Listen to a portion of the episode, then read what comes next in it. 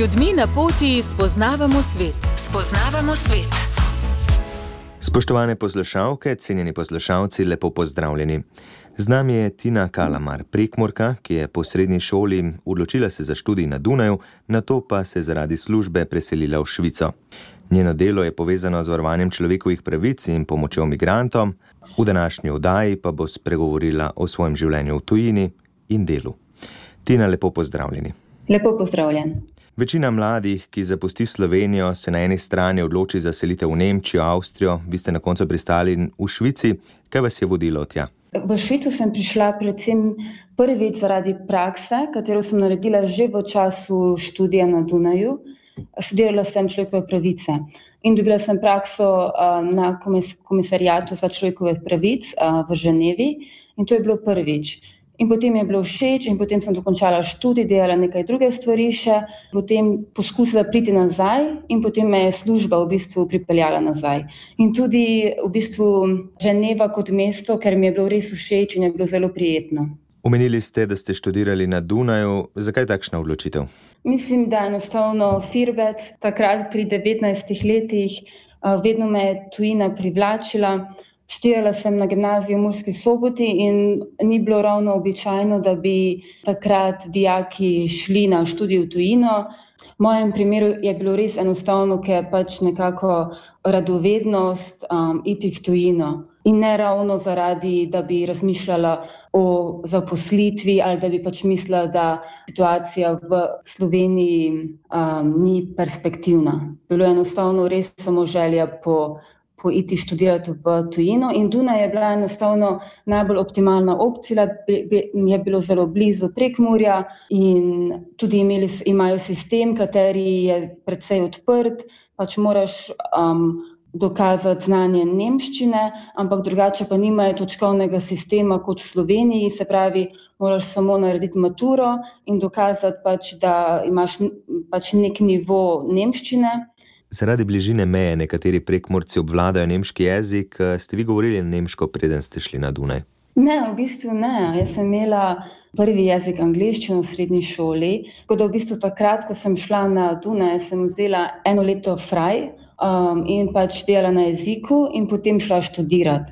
Pandemija je prizadela praktično vse države. Kako strogi so bili pri vas omejitveni ukrepi in kakšno je trenutno stanje? Predvsem konec marca je Švica postala eno izmed žarišč, globalno gledano, predvsem zaradi tega, ker ni zaprla meje z Italijo.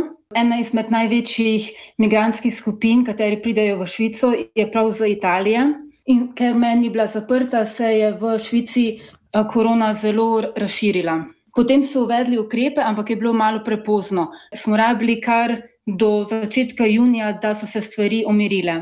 Trenutno sedaj so, so se stvari odprle, vse deluje normalno, je pa še vedno pač socialna distanca, pranje rok je še vedno pomembno in meje se bodo odprle s petnajstim junijem, predvsem, ampak samo z Nemčijo, Avstrijo in Francijo, in meje ne bodo odprli z Italijo. Jaz sem delala cel čas od doma in še vedno delamo za OZN od doma, še, še cel junij. Najbolj zaradi tega, ker pisarna ima čez tisoč petsto ljudi, je pa dovoljeno samo do, do tristo ljudi trenutno. In tudi veliko, veliko teh sestankov je povezano z mednarodnimi leti, katere trenutno ni moč izvesti. Tako da bom, bomo mi še kar sigurno še junij in julij delali od doma in potem upam, da bomo lahko šli nazaj v pisarno. Ja, drugače v primerjavi s Slovenijo ukrepi so bili bolj ali manj primerljivi, je pa bilo število okuženih veliko več, jih je bilo čez trideset tisoč v Švici. Ampak kot rečeno, je to pač predvsem vplivalo, mislim, da takrat odprta meja z Italijo. Kako po desetletju življenja v tujini gledate na Slovenijo? veliko mladih jo zapusti zaradi slabših zaposlitvenih in drugih možnosti, vi pravite, da vas to nekako ni vodilo takrat v tujino, ko ste odšli. Sploh ne, v bistvu. Po desetletju zunaj, ko greš domov, se spreminja in veliko stvari vidiš z drugačnimi očmi. Moram reči, da v tem primeru precej tudi pozitivnih. Slovenija za me um, je v primerjavi z mesti, kjer sem živela, kot Dunaj in sedaj Ženeva, ritem je počasnejši in, in manj stresa imajo ljudje. In na splošno je Slovenija je tudi zelo homogena država, zelo malo je imigrantov na splošno. Ja, to je tudi naredi nekako posebno v primerjavi z veliko drugimi mesti v Evropi in državami.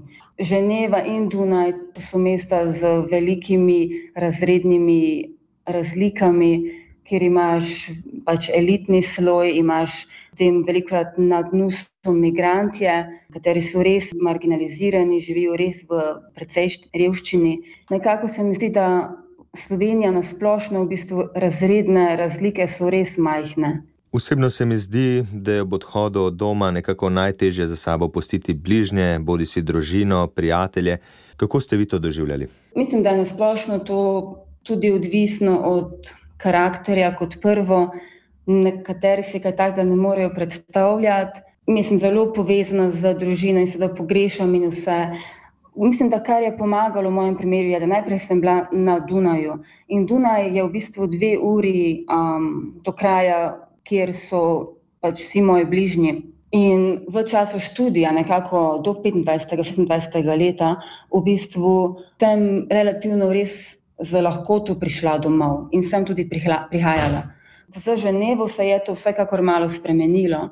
Še vedno hodim na, v bistvu, na, na vsaka dva, tri mesece, mi še vedno uspe.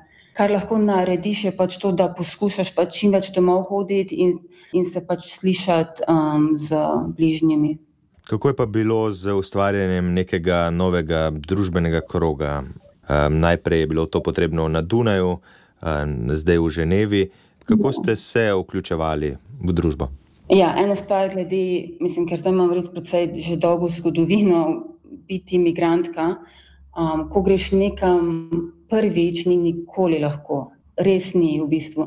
In potem s časoma postanejo stvari lažje. Ampak ja, to, za, to zahteva delo in na začetku je res lahko izziv.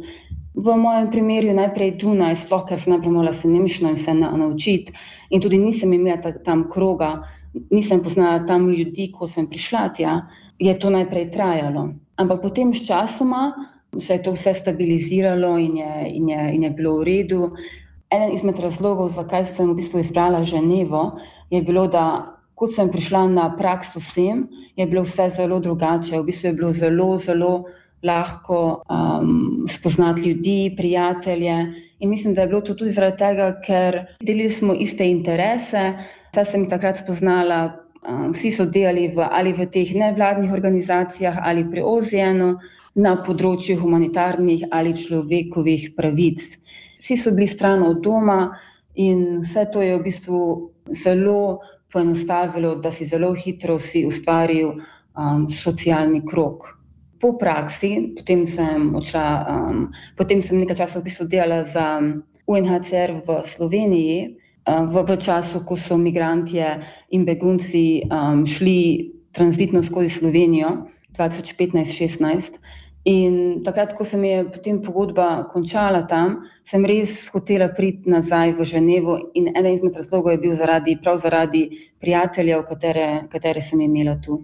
Kako pa se za vas razlikuje življenje v Ženevi in na Dunaju? Kje ste se boljše počutili?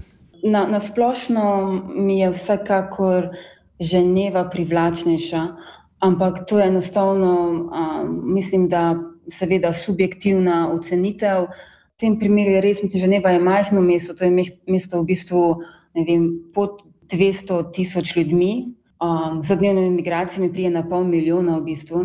In meni je bilo, tukaj, mislim, to je v bistvu sedež OZN-a, mednarodne diplomacije, um, veliko nevladnih mednarodnih organizacij je tu. Ena stvar pomembna je bila to, da tukaj je veliko služb v angleščini.